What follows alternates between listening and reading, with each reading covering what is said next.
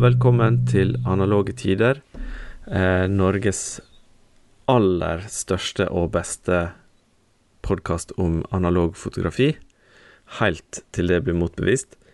Eh, I dag så skal vi snakke med Geir Bakken. Han er på Analog Geeks Scandinavia-gruppa og veldig aktiv. Driver med veldig mye gøy. Eh, hallo, Geir, forresten. Hei, hei. Jeg tenkte nå Vi har en, en, plan i dag. Vi skal snakke om litt uh, ulike ting, og vi skal starte ny, et nytt segment. Uh, en ny hva Hva jeg skal kalle det? En En ny oh, hva, er, hva slags ord jeg leter etter? En ny vri, kanskje? der vi skal diskutere et tema, og så er håpet da å få inn innspill på e-post fra uh, dere lytterne. Uh, og så blir det da tatt med videre og lest opp i episoden påfølgende, slik at uh, kanskje det blir til en ny diskusjon. Hvem veit. men iallfall ønsket mitt er å få litt mer interaksjon fra dere lytterne. Mer e-post, rett og slett. Men først så kan vi nå nevne at denne episoden den er sponsa den er sponsa av en helt ny nettbutikk for analog foto og analog film, som heter fotoogfilm.no, og det er min nettbutikk. Så derfor sponser jeg meg sjøl eh, med en filmrull. Men iallfall, sjekk ut fotoogfilm.no. Nå har jeg hatt den eh, nettbutikken oppe i en måned, eh, litt over en måned, men jeg har ikke fått Jeg har ikke hatt ett sekund å reklamere for den sånn egentlig. Og dermed så har jeg hatt bare én kunde på én måned, og det er ikke liv laga. Så jeg håper at uh, dere som hører på eh, Hvis du går inn på nettbutikken og, og, ikke er interessert, så skriv gjerne en melding til meg om hvorfor du ikke er interessert. Skriv hva jeg kan gjøre annerledes. Er det for dyrt? Er det for snevert? Er det for lite utvalg? Er det for Ja, kort sagt for nå sitter jo jeg inne med masse produkt som jeg må, få solgt ut. Jeg er jo tross alt sunnmøring, jeg kan ikke sitte på produkter og bruke dem sjøl og sånn. Det er jo helt hårreisende. Så eh, håper du får tid til å gå inn på nettbutikken og skriv meg en melding. Facebook, e-post, hva som helst. Skriv hva du tenker. Hva kan jeg gjøre for at du skal bli interessert i produkter som jeg har der inne? Eller f.eks. hvis det er ett produkt du mangler, og så er du i gang så vil jeg veldig gjerne høre det. Jeg vet ikke, Geir, har du vært inne på nettbutikken? sånn for å sette deg på Ja, hva heter det? Pinebenken? Rampelyset. Ja, pinebenken. Det, får vi, det får vi se, hvis vi, alt etter hva svaret ditt er. jo, jeg har faktisk vært der inne. Eh, det var ikke de produktene jeg var ute etter akkurat da. Nei, okay. Og da hjelper det jo ikke om du har noe bedre webside. Nei, det er jo et godt poeng. Hva, den bulksatsinga mi, da, hva du tenker om den? Altså, er det, det er ikke noe som du Du bruker mer ferdige ruller, eller er det det at du bruker papir og sånne ting? Det, det, er vel mest at jeg er ikke så mye på 135-film, egentlig. Eh, noen ganger så gjør jeg det.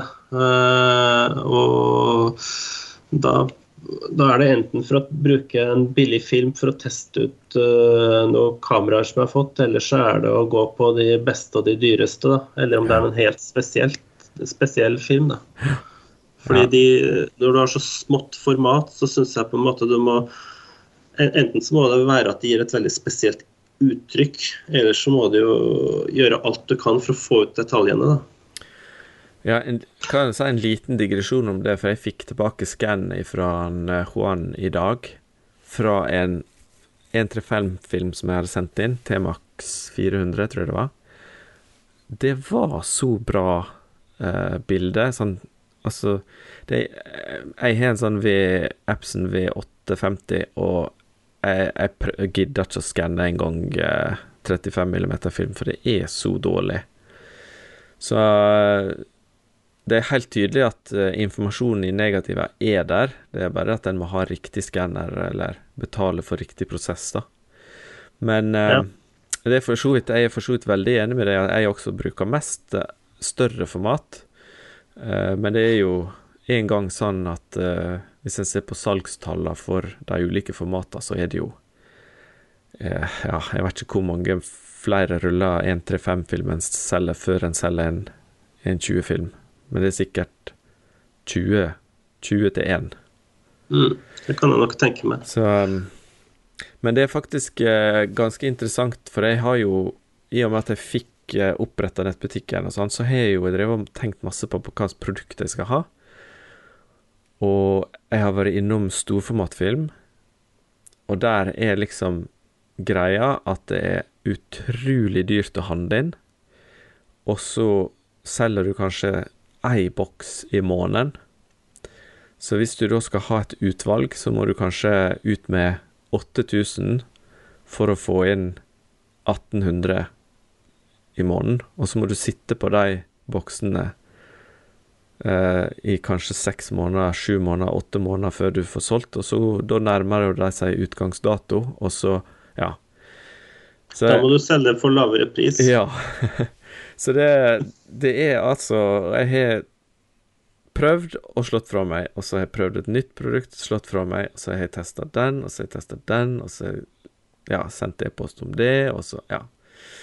Så du skjønner, jeg har lært utrolig masse etter at jeg prøvde liksom å få i gang en nettbutikk. Jeg lært om hvordan det fungerer, hva som selger, hva som blir tatt inn, hvorfor Hvorfor det er to år siden det var Korak Ektar i fire ganger fem for salg, liksom. Altså det Mm.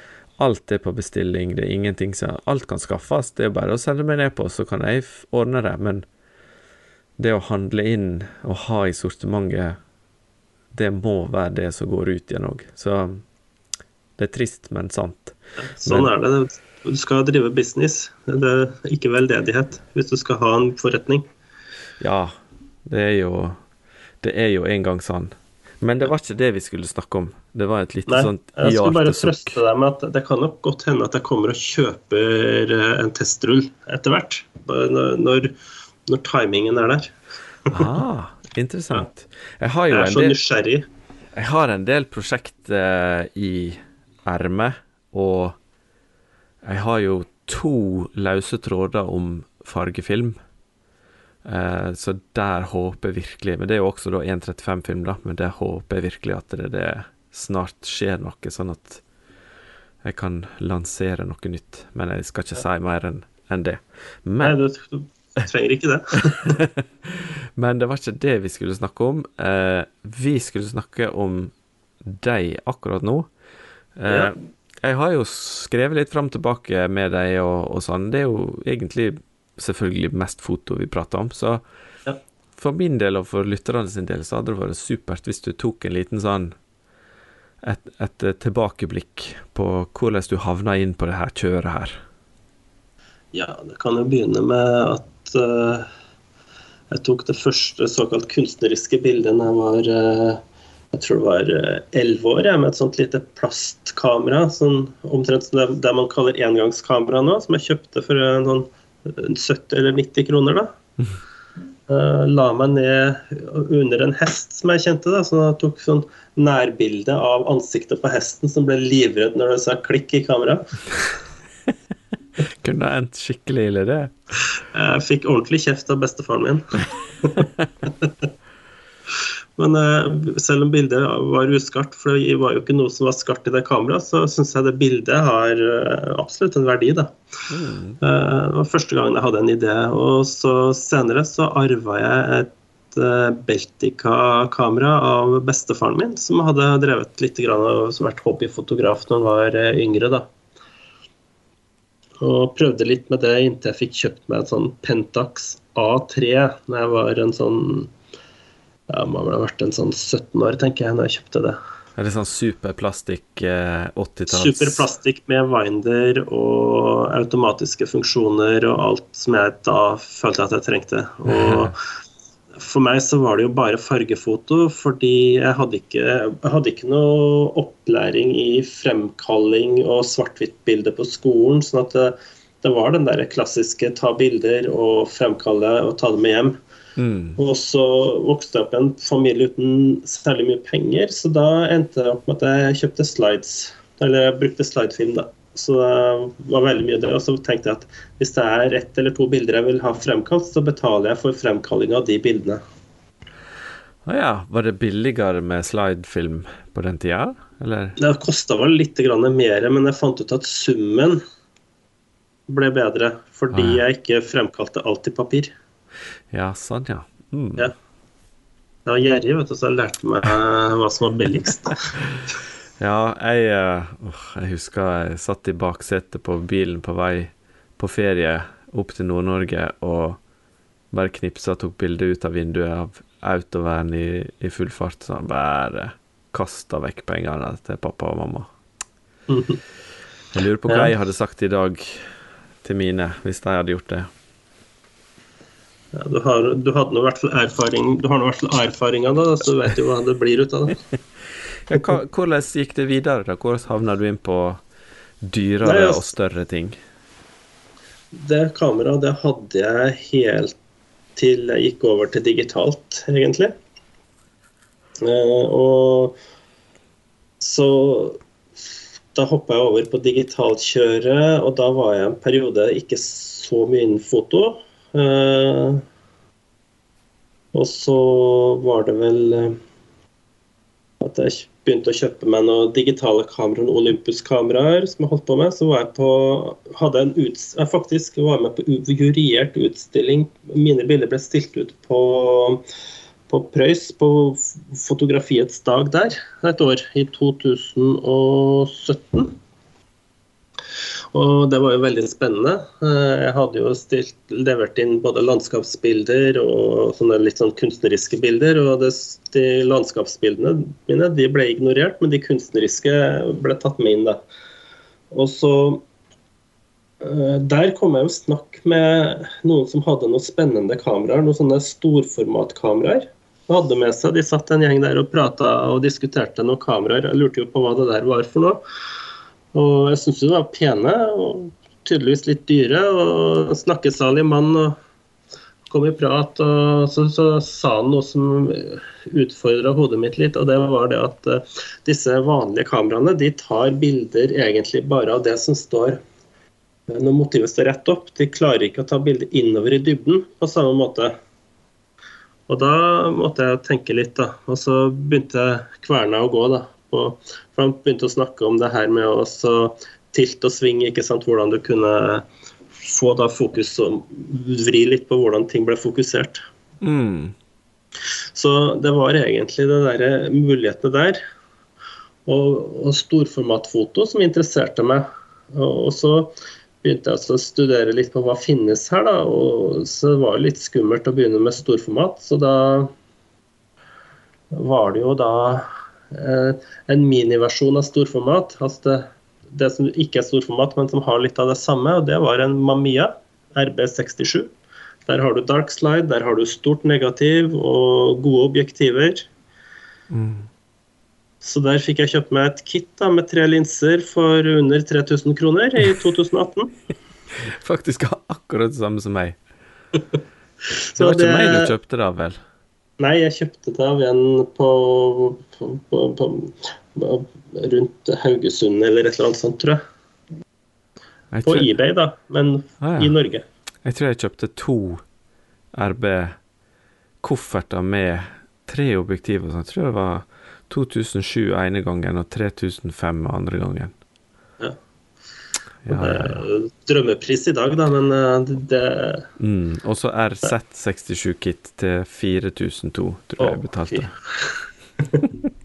Men jeg solgte jo det for ja, Ja. 4-5 eller noe sånt. Så, Ja.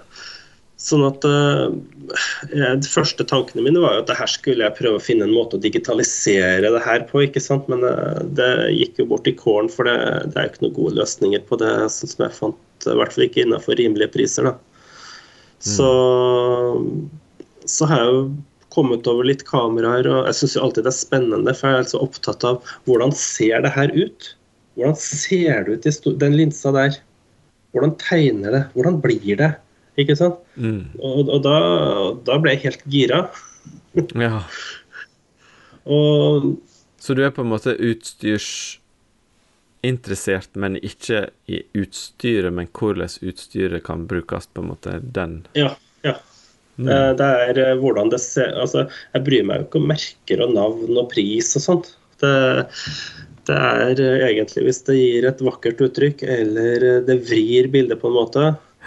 Når du ser de bildene som Mamian lager, så er jo det, for å si det sånn, bare detaljert og bare vakkert, uten å være overskarpt. Mm. Eh, Så det er sånn det perfekte. Men hvis du skal ha noe som gir et spesielt uttrykk, da må du gå over på litt enklere optikk. da F.eks. Eh, Agfa Isoletta med billigste triplettlinsa. ikke sant? Hvis du bruker den riktig, så, så får du jo fantastiske effekter. Ja, litt sånn som Holga. Ja. Bare med litt bedre kvalitet. Men der, en liten digresjon der òg. Der har jeg altså Jeg tror jeg har hatt åtte Holga. Og det var på den niende jeg traff Ja. med den, det, den jeg ville ha. Og jeg har sett andre som eh, Altså, utstyret er jo på en måte Det er jo fotografen som er det viktigste, men jeg har sett noen som har Holga-kamera som er bare helt magiske.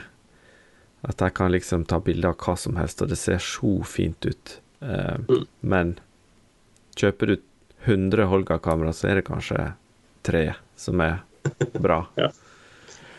Og kjøper du 100 Holga-kameraer, så er det jo ikke billig lenger. Her da må du begynne med nettbutikk. Holga Ja. nettbutikk.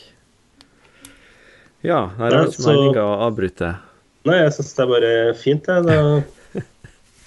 Eh, Så jeg har uh, fått tak i diverse rimelige kameraer. Uh, Og så klarte jeg å få tak i meg en Linoff Color med et par linser. Og det fikk jeg også for en sånn rundt 3000 kroner. Også billig, syns jeg. Det er fantastisk eh, bra kvalitet på det gamle kameraet. Det er jo magnesiummetall i ram- ramma der, og ganske lett. Ja. Uh, og så har jeg vært nysgjerrig på det, hvordan ser de større formatene ut. da.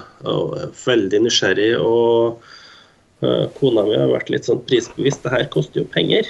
Og da begynte jeg sånn Hvordan skal jeg klare det her, da? Altså, vi, er, vi har jo ikke mye penger vi, eh, i familien, men eh, interessen er jo der.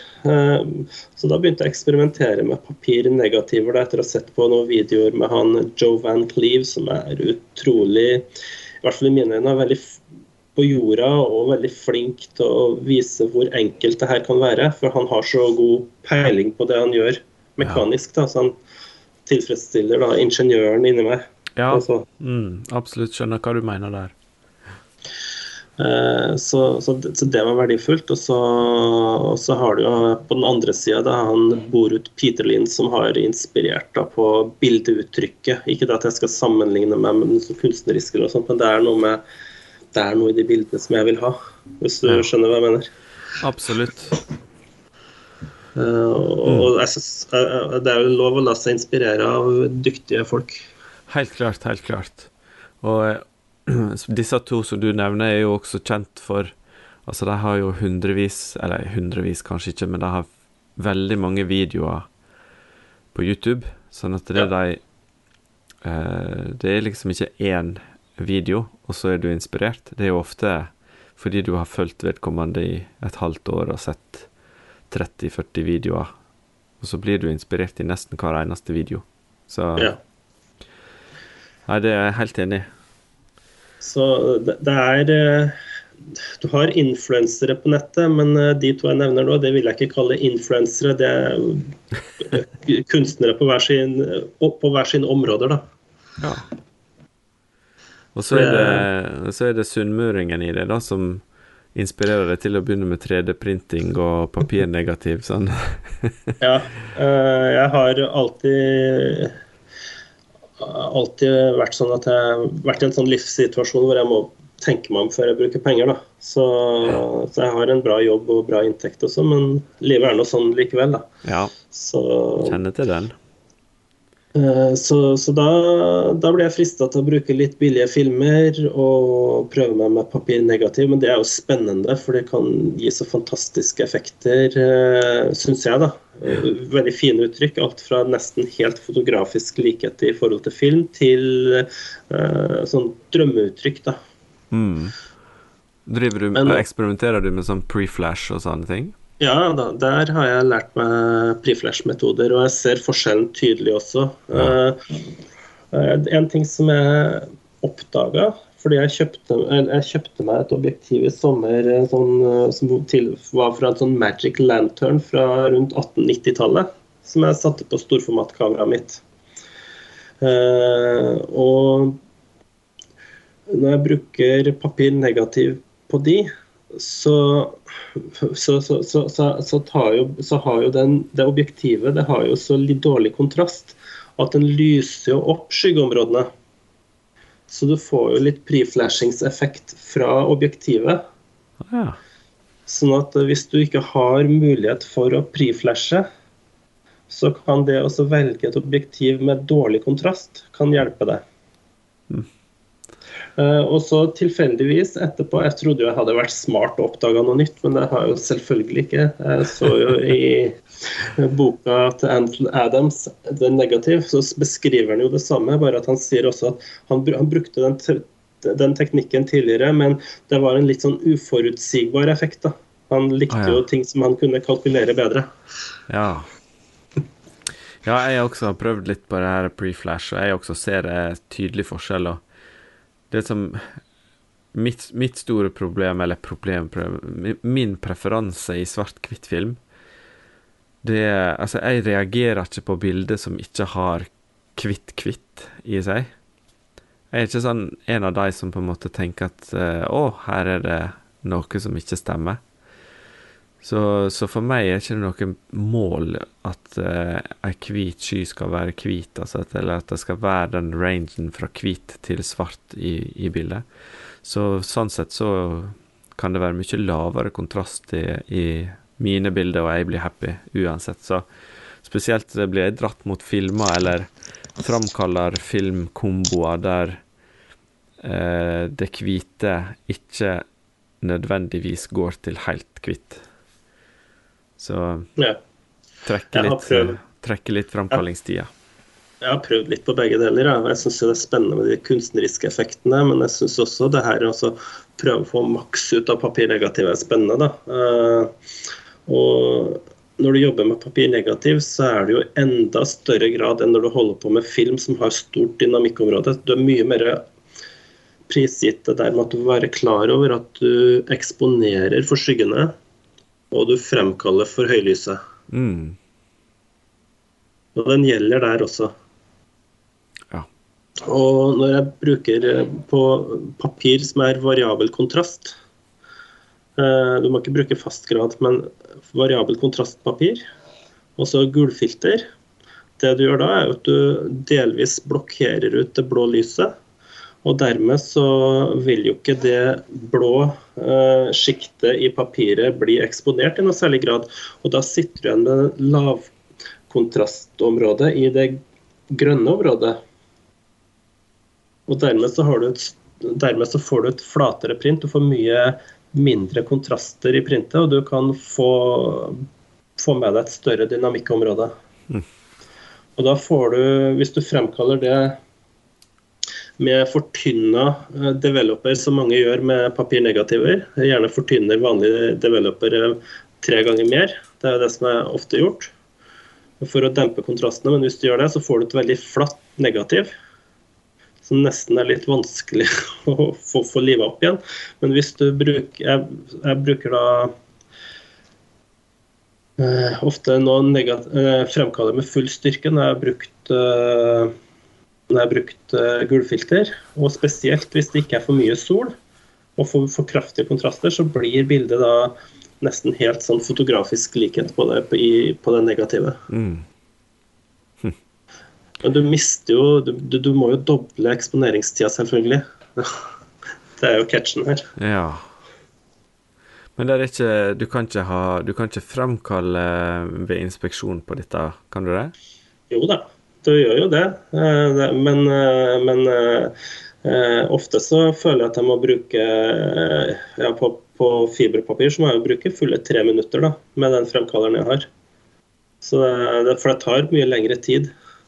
Og, og du vet når du har altså, Grunnen til at du har kort tid på det når du bruker vanligvis fremkaller papir negativ, det er jo at du har belyst blå sjiktet, sånn at du har fått veldig Du har, du har et veldig kontrakt, kontrastrikt negativ, da. Og du må dempe kontrasten og få det ut før alt blir brent ut. Mm. Men uh, uansett så vil jeg anbefale å følge med på hva som skjer. da, for at uh, Hvis du bare bestemmer deg for et tidspunkt, så kanskje akkurat den dagen så var det litt annerledes lys. ikke sant? Og ja. da blir det mislykka. Du må følge med på papirnegativ. Men uh, med gulfilter så, så, så, har du mye bedre tid på det. da. Det, når du fremkaller. Som, det som fascinerer meg uh, for tida, i alle fall, det er det, det ugjenskapelige, um, eller hva jeg skal si. Uh, så for meg så frister det veldig å, å, på en måte ikke ha klokke på, og liksom ikke framkalle tre minutter for å liksom få den gjenskapelsen, altså. Så jeg, jeg er iallfall inne i en sånn periode der jeg, jeg, tenker veldig mye på at det skal være ett eneste produkt, og det skal ikke kunne gjenskapes. Så jeg er liksom inne i denne våtplate tankegangen. Og det er så vanskelig å få til med film og, og papir òg, for så vidt. da. Det er så lett å gjenskape. Da kan du jo kjøre på med Harman Direct Positive Paper, da, som er en kinkig sak og blir et unikt resultat på hver gang. Ja, hadde det vært en tiendedel av prisen, og hadde det vært eh, mindre kontrast i, så tror jeg faktisk at jeg hadde brukt det for jeg, jeg, har også tenkt på veldig mange ganger at jeg har lyst til å profilere meg som fotograf i nærområdet ved å på en måte stille meg opp på et sånt kjøpesenter og, og ta portrett med storformatkamera. Men ja. det er jo på en måte etter FP 100C Altså, det Det er liksom det Instax og Lomo-greiene, da. Men så, så har jeg tenkt på Hvis jeg har Harmon Direct Positive, liksom, og så da må jeg liksom framkalle der og da, liksom. Og så blir det så kontrastfylt og Men Hvis du har en overskya dag, holde deg unna de solrike dagene, eller uh, sitte i skyggen, da, ja. så, så, har du jo mindre kontraster. Og da kan det jo hende at uh, det vil kle noen. Det blir plutselig litt mer styr, da. Må kanskje preflashe ja, det er kom, ingenting gratis med direct positive paper. Kanskje jeg må ha sånn uh, at jeg åpner filmholderen i ett sekund, eller noe sånt. Det ville jeg, vil jeg, vel si var litt modig, men Jeg kan få 3D-printa en sånn, uh, ikke en uh, objektivlukker, men en darkslide åpner og lukker for pre-flashing i felten. Ja. Eh, nå sies det at post-flashing skal være like effektivt. Jeg har ikke prøvd det selv, men eh, flere som har snakka om det. Det er jo litt interessant, da. Den eneste måten jeg tenkte på at dette kunne fungert for meg, det var hvis jeg gadd å på en måte pre-flashe 10-12 eh, papir, og så loade alle sammen, og så gå ut.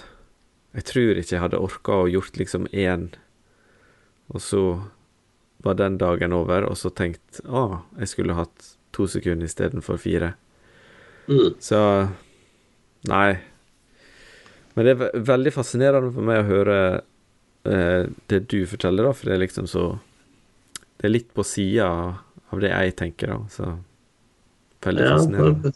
Jeg har nødvendigvis ikke rett, men jeg bare jeg prøver mye, og så har jeg mine erfaringer. og så men hvis folk spør meg for detaljert om tall og sånn, så blir jeg litt svak. Fordi jeg har veldig sånn kunstnerisk eh, holdning til det hele. Jeg som jobber med ingeniørting på jobben, da. Altså jeg driver jo med elektronikkproduksjon eh, på en svær fabrikk da, hvor vi produserer veldig mye avansert elektronikk og programmerer en robot som skal teste elektronikk. da, så...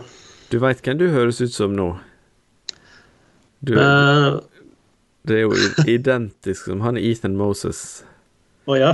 i Camera. Dactyl. Kanskje, kanskje du kan bli vår Ethan Moses, da, som kan lage sånn skanning-fremtrekksmaskin og Han er jo helt fantastisk, da. Han er jo Jeg følger jo med på det. Han er veldig inspirerende, og hva han har klart å få til med disse direkte positive bildene sine i farger, ikke sant? Ja. RA4 positiv, direkte positiv. ikke sant? Altså, det er jo andre som har holdt på med det, som har funnet ut av det før, men han har gjennomført det så bra og laga et eget fremkallingssystem i kamera og greier. Ja i, film, i filmholderen. filmholderen. Det er vel det første Det tror ikke jeg har blitt gjort før. Og til dere som har penger, han selger det her. Ja. Ja, jeg hørte, Så- jeg hørte prisen på en av disse her Mangos Mangoes, disse her framtrekks-skannings, automatiske skanning med DSLR-kamera. Det var ikke billig, Nei? så, men eh, en supergod skanner er vel gjerne ikke billig heller.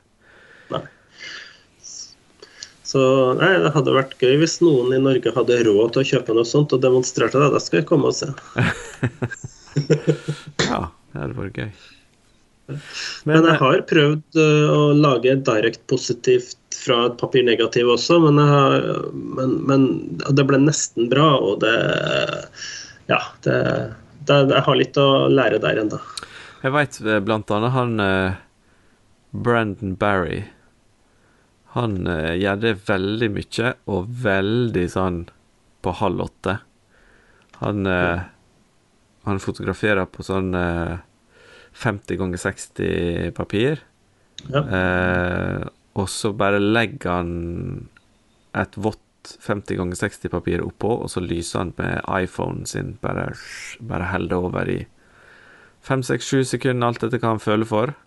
Og så framkaller han det. Så da blir det den, den positive og det, Han har Ja. en sånn campingvogn som han driver og kjører rundt og har undervisning for skoleelever og alt mulig sånn, og så tar han bildet ut med campingvogna, og, og frem, så får de bli med og lyse og framkalle og gjøre det om til en positiv.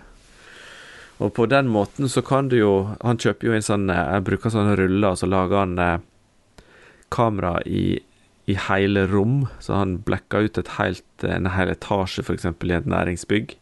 Ja. Og så uh, lager han et objektiv, eh, eller fester han objektiv i et vindu. Og fotograferer det som er utafor. Kanskje da seks meter i bredde. Mm. Og så fordi at han bruker bare den samme teknikken omvendt, så han har bare da et seks meter bredt eh, papir som han veter å lyse på.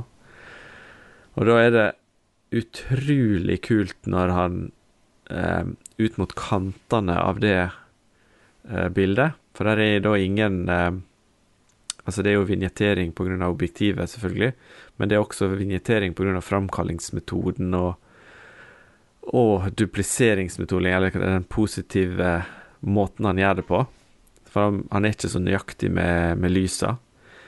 Og da får du sånn et sånn scenario-bilde, et bybilde, med på en måte nesten litt sånn selektiv framkalling. Ja. Sånn at det, plutselig er det noen områder som ikke er blitt framkalt, og, og liksom på kanten og et eller annet sånt. Det er så kult.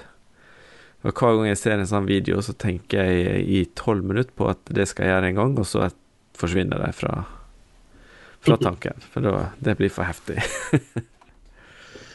sånn er det bare. Men du, Geir, vi skulle jo Ja. lansere et, eh, en ny vri her. En ny eh, en, Et diskusjonstema som jeg håpte Ja. skulle skape litt uh, e-poster. Og det, det er noe som jeg har tenkt på i mange, mange år, helt siden noen eh, sa til meg Det var et eller annet sånn digital Jeg var i en sånn digital eh, fotogruppe. Og så skulle vi liksom eh, presentere oss sjøl med bilde eller et eller annet sånt, og så var det noen som kommenterte at eh, det var en annen i den gruppa som som tok veldig masse bilder av andres kunst, og som presenterte det som sin egen Det var jo ikke kunst, vi var, var ikke, vi var ikke profesjonelle eller solgte bilder eller sånn, men det og det, da tenkte jeg på at det har jeg aldri tenkt på før, og det var veldig mye sånn eh, bilder av fontene, og det var bilder av kanskje statuer og sånn. Så begynte jeg å tenke på meg sjøl, og hvor ofte jeg gjør det. Hvor ofte tar jeg bilde av uh, bygg som er arkitekttegna, bruer som er arkitekttegna. Um, der er kanskje en skulpturpark som den fotograferer i, svart-hvitt og bla, bla, bla. Men jeg har aldri tenkt den tanken at jeg ikke skal publisere det bildet, eller ikke skal Jeg kunne jo aldri ha solgt det. Det er jo bare det at jeg har tatt et fint bilde av noen andre sin kunst. Men det har selvfølgelig aldri kommet til det punktet at jeg måtte ha tatt stilling til det. Men når noen da nevner det for meg, så begynner jeg å se gjennom mine egne bilder og tenke Ja, her er det Er dette her noe jeg vil drive med? Og er dette her Kunne jeg ha solgt det her? Kunne jeg ha tatt betalt for det bildet? Og da, hvor langt kan en strekke det? Hvis en tar bilde av et naust, det er jo noen som har designa bygdet. Hvis en tar bilde av eh, graffiti, eh, hvor går grensa mellom eh, det her er bare et uttrykk for et bybilde, en demonstrasjon av en kultur, f.eks., eller, eller sånn. Um, og da er det for så vidt videresalg jeg tenker på. Um, og da tenkte jeg skulle starte diskusjonen med å spørre deg, Geir, hvis du hadde ei utstilling på Samfunnshuset der du bor Nå har jeg glemt å spørre hvor du bor hen. jeg bor i Tønsberg. I Tønsberg, ja. På Samfunnshuset i Tønsberg. der skal Geir Bakken ha utstilling. Uh, så er det tolv bilder på en vegg, og så er det noen inne på utstillinga som tar et bilde av på en måte Halve bildet er utstillinga di, og resten av bildet er liksom fire stykker som står og ser på bildet ditt. Så blir det lagt ut for salg på eBay for 12 000 kroner, og så heter det bildet uh, 'Studying Art'.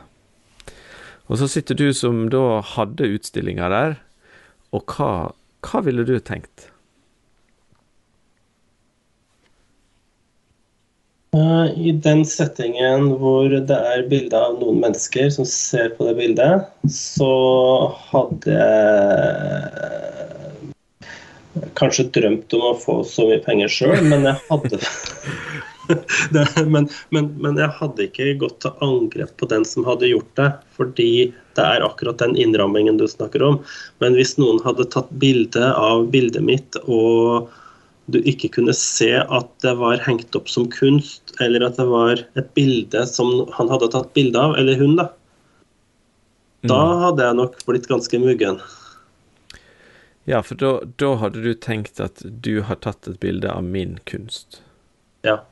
Men, men, men du har ikke tatt bilde av utstillingen. Men, og, og, du, og, når du tar med mennesker inn i bildet, så er det så tydelig at det er ikke et forsøk på å å gjøre det til sin kunst, det jeg har gjort. Mm. Men min kunst er brukt, det er klart. Hva du tenker om et, uh, Dette, et Men jeg tenker ikke juridisk, jeg tenker emosjonelt, da. Ja. ja. Hvis du f.eks. Eh, vi snakka litt før vi begynte opptaket om Jeg nevnte den brua som han Vebjørn Sand har designa på Gardermoen. Ja. Og den syns jeg er utrolig fin. Og jeg har tenkt veldig mange ganger Hver gang jeg ser den, så tenker jeg liksom at det hadde blitt et nydelig bilde. Ja. Men så jeg... stopper jeg litt, med litt meg sjøl i at liksom Etter at jeg har tatt det bildet, så hvis jeg hadde lagt ut et bilde av ei fin bru Altså, ja Nei, jeg veit ikke helt hvor jeg jeg har ingen problemer med det. fordi Hvis kunsten er satt ute i det offentlige, så er den i mine øyne Vær så god, forsyn deg. Dette er en del av offentligheten som er tilgjengelig. Det som provoserer meg, det er når jeg leser om at uh, det, det, det, er ikke lov omtrent å ta Det er ikke lov å ta ordentlige bilder av Eiffeltårnet når det er belyst. I hvert fall kan du ikke tjene penger på det. Mm. Fordi det er noen som har tatt copyright på det Eiffeltårnet når det er belyst. Ja. Og da ble jeg litt provosert, for det er ting som står ute i offentligheten, og det syns jeg ikke de burde hatt lov til. Det har jo sannsynligvis lov til det siden de har gjort det, men ja. ja, og da er vi jo litt over på en litt, litt annen retning i forhold til Jeg vet jo også det at for sånn som Roma og sånn, så er det jo veldig ofte at det ikke er lov med stativ inne. Men det går vel kanskje også på at folk kan snuble og sånn. Men da, det sikrer jo også at eh, de bildene som blir tatt inne i en katedral uten stativ, er jo ikke akkurat salgsverdige. Så Nei, det er vel en sånn dobbel bonus, kanskje. Jeg tenker at det er begge deler. Kanskje ja. mest det med å ha kontroll på, på salg, fordi eh, sikkerheten blir nok mer brukt bare som et sånt skalkeskjul. Kanskje det, ja. Tror jeg, da. Men eh, hva du tenker grensa går for, eh, for eh, videre salg av eh, f.eks. hvis du har et bilde av statue eller en fontene, Ole Bulls plass i Bergen, eller altså må intensjonen bak et bilde tas til hensyn, eller er det nok at objektivt bilde må inneholde mer enn ja, Hvor mye mer? Altså, hvis objektet er 50 av bildet, eller sånn Jeg vil jo si at et bilde av en statue er ikke, er ikke den samme kunsten som den statuen som står foran deg uansett. Mm. Sånn at jeg tenker at det er et kunstuttrykk i seg sjøl. Men når du bruker en annens kunst som et motiv, så er det jo begrensa til hva det er, da.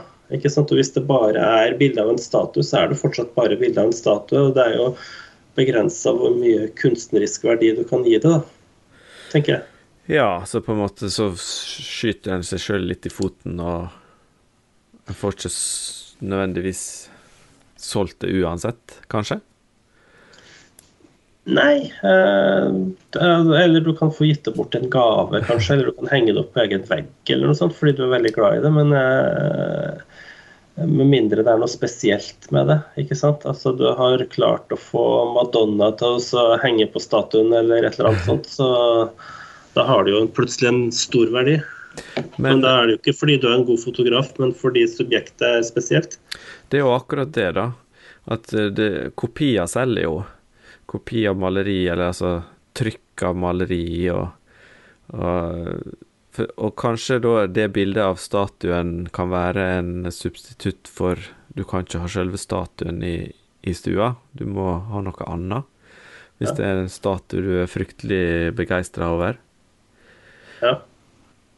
Men jeg mener at uh, det får, får, man folk til å kjøpe det, så gjerne. Jeg har ingen Jeg hadde ikke tenkt meg om for å ta et sånt bilde og selge det, på en måte. Fordi jeg hadde vært så overbevist om at ingen hadde noen mistanke om at jeg hadde lagd den statuen. Da. At det var min, sånn sett min kunst. Mm. Men hvis det sto f.eks. utenfor at det var forbudt å ta bilder, så ville jo ikke jeg ta bilder. For da, sånne diskusjoner orker jeg ikke å være oppi. Nei, det, det, er et godt poeng. Men hvor, uh, hvor... Og, og, det der er det at jeg mener hvis du har satt en ting ut i det offentlige, så må du forvente at folk tar bilde av det. Folk drar jo kanskje for å besøke det stedet, for å ta bilde av stedet, for å bli tatt bilde av sammen med det i det stedet. ikke sant? Altså, det, og, ja. ja, altså nå tenker ikke jeg på bildet som en minne. Nei, sånn men, men, men, det ligger jo i at det er i offentligheten, da. ikke sant? Og hvorfor skulle ikke kunstnere få lov til å ta bilde av ting som er i offentligheten, da? Mm. Altså, Hvordan skal du sensurere bort deler av offentligheten fordi det er uh, kunst der? Ikke, ikke sensurere, men kanskje Altså den Hva det heter på norsk, den her monet, Nei, hva det heter Altså pengeaspektet. Salget. Ja. At det, det, er ingen som reagerer på bilde av en statue, men jeg tenker når du tjener, skal tjene penger på et bilde av noen andre sin kunst, er det ja. ei grense som er verdt å ta hensyn til, eller er det også innafor når det er i offentlighetens rom? Jeg syns det er innafor fordi det er plassert ut i det offentlige. Og hvis det er noen som har laga det som mener noe annet, så må de sette opp en tydelig plakat uh, militære installasjoner de har jo en tendens til å merke at her er det ikke lov til å ta bilder. Men det er jo klare grunner til det, selvfølgelig. Men, ja. men Jeg satte deg veldig sånn på en rar spiss, men uh... Men hvis du da Det var et eller annet jeg tenkte på.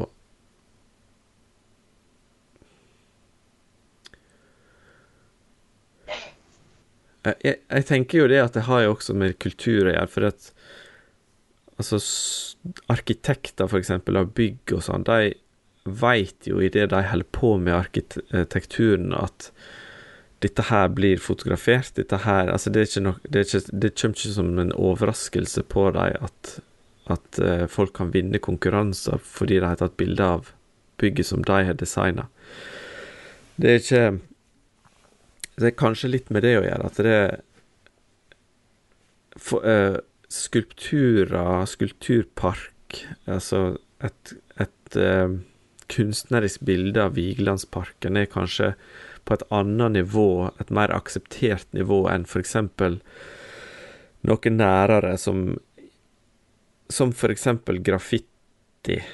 Uh, og da tenker jeg spesielt på kunstgraffiti store heildekke, heilside, altså en heil vegg med et maleri. Eh, når det da blir avfotografert, og så blir det fotografiet solgt eh, Så når jeg sitter meg ned og tenker meg om, og ser på dette her liksom veldig objektivt, så tenker jo jeg at det er feil. Hva du tenker du?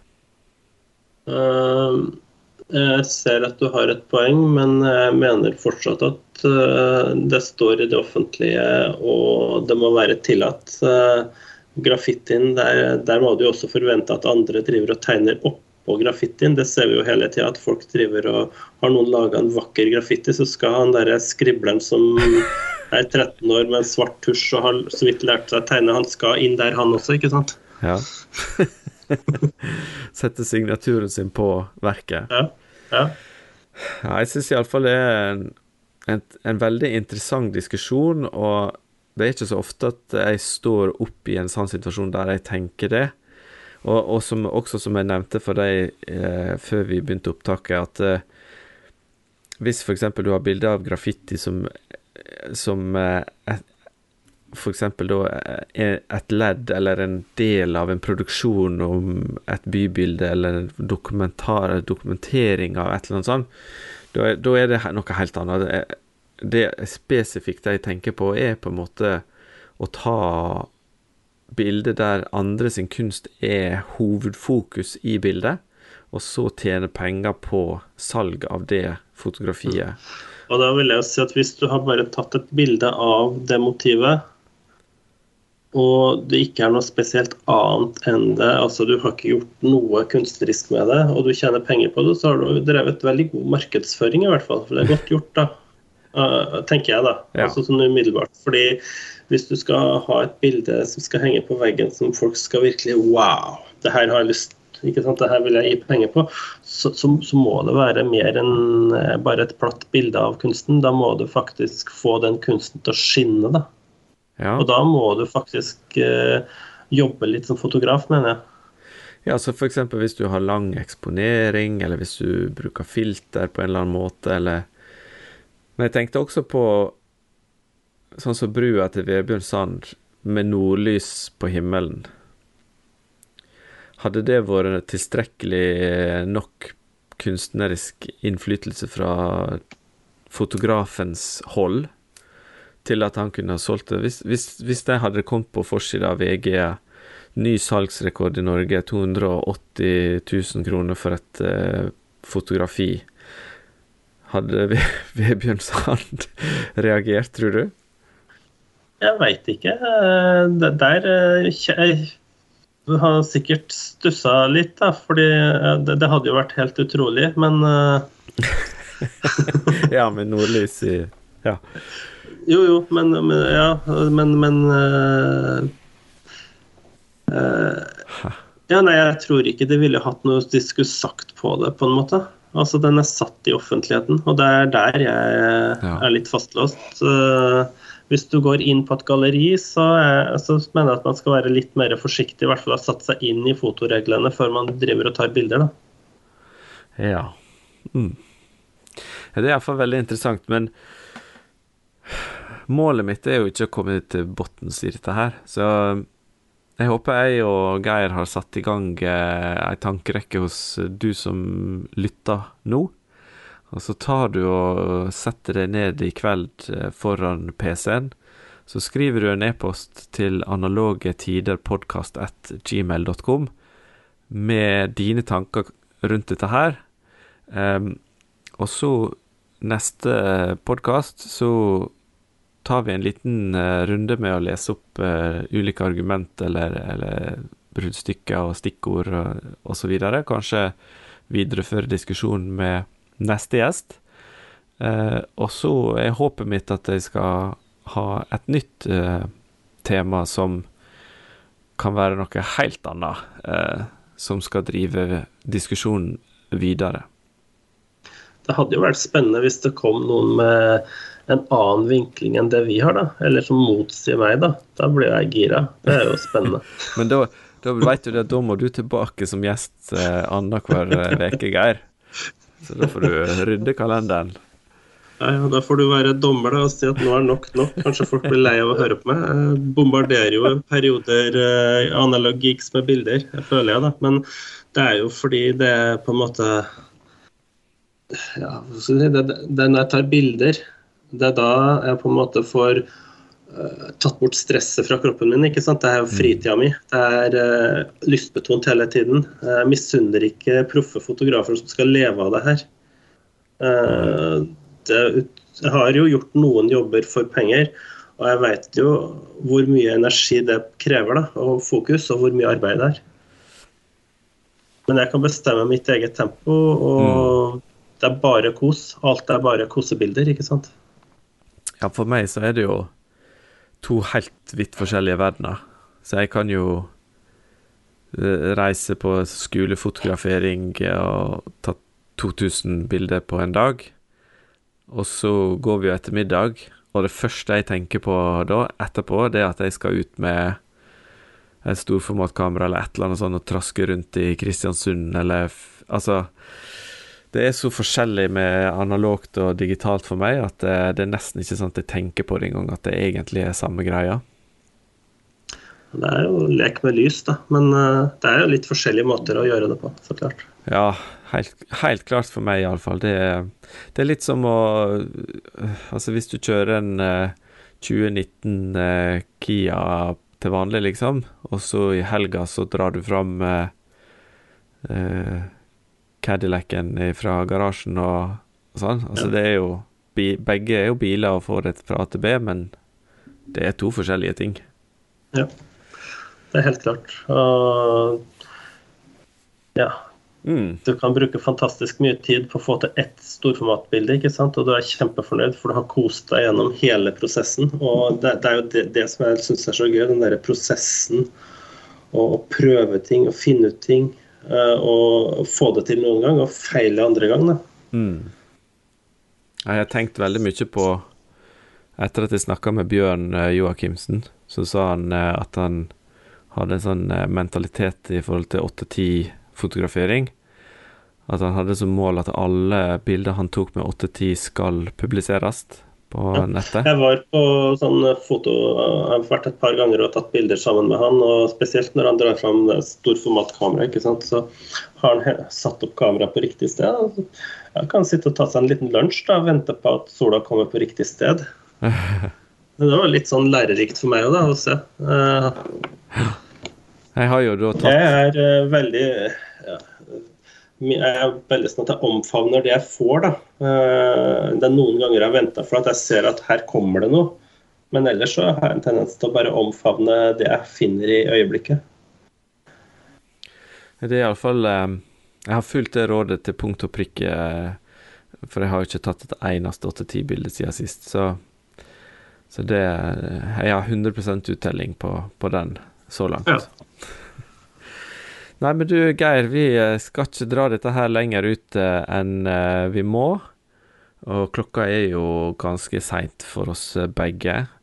Um, og jeg hadde jo som målsetning før denne sesongen her at det skulle være halvtimesepisoder, så nå har vi jo sprengt uh, skalaen på stort sett alle episodene til nå.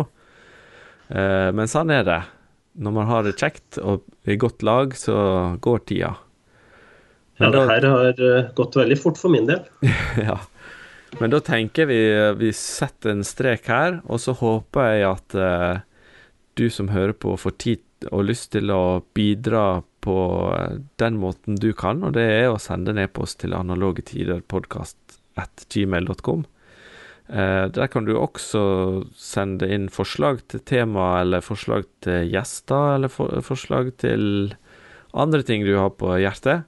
Eh, så jo mer eh, interaksjon vi får, jo kjekkere blir det å styre med podkast. Så da eh, sier nå jeg bare Ja, før vi går, Geir, du skal jo få lov å Hvis du har lyst til å styre lytterne til å sjekke ut eh, hva du gjør med f.eks. papir, negativ og sånn, så kan du nå droppe noen linker, som vi sier på Sunnmøre. Droppe noen linker, var det muntlig du tenker da? Ja. stave, ja, det, stave noen det, linker. Ja. Det, det stedet som jeg bruker mest, eh, det er eh, Flikker-sidene, fordi at jeg liker å legge ut bildene i veldig høy oppløsning. Eh, jeg er nerdete, så det, det skal være ordentlig og fint.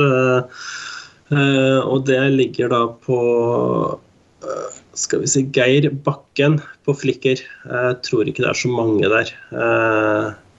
Så hvis du søker opp Geir Bakken og Flikker, så tipper jeg du finner meg. Mm. Og der må jeg også si at eh, vi har Analog Geeks har jo en egen gruppe der inne. Som folk også kan benytte seg av å legge bilder på. Mm. I hvert fall analoge bilder. Ja. Fantastisk. Det må, jeg, det må jeg sjekke ut. Det har jeg ikke tenkt på en gang å lete etter. Nei, den er der. Og Bruk den, det er min oppfordring. Og så har jeg en YouTube-kanal som jeg har eh, laget, lagt ut noen linker til. Det er ikke bare digitalt. Nei, unnskyld, det er ikke bare analogt, mener jeg. Det er noe digitalt der også. For at eh, mm. ja, det er det som jeg har i hodet der og da. Og jeg har prøvd å lage videoer av stoff som jeg sjøl mente at jeg ikke fant på YouTube. da. Så at det er en mm. smal, liten sær kanal. Og den heter den har uh, navnet mitt, så vidt jeg vet. Det er vel stort sett det, for jeg har ikke uh, klart å kalle det photography eller noe som helst rart. Uh, skal vi se kanalen min Hva står det? Ja, Geir Bakken. Ja, enkelt og greit. Ja.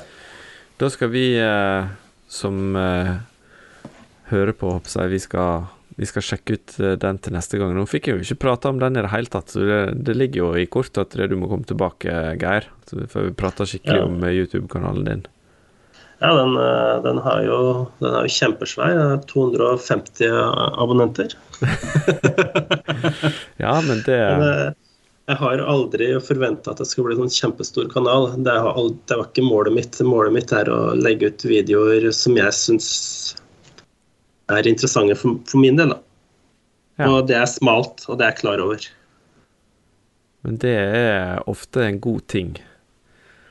Altså helt til du bikker 10 000 følgere, og du innser at her kan jeg tjene penger, da får du litt å tenke på. Ja, men det tar litt tid. Jeg har holdt på noen år. og jeg, har ikke, jeg, har ikke, kommet over knekkpunktet ennå. Da syns jeg at uh, eh, iallfall vi som hører på akkurat nå, de uh, eh, 60 eller noe sånt som hører på denne episoden her, gå inn på YouTube og abonner på Geir Bakken, kanalen, så gir vi han en liten boost. Men da tenker jeg vi sier uh, ha det bra, uh, og til neste episode så snakkes vi.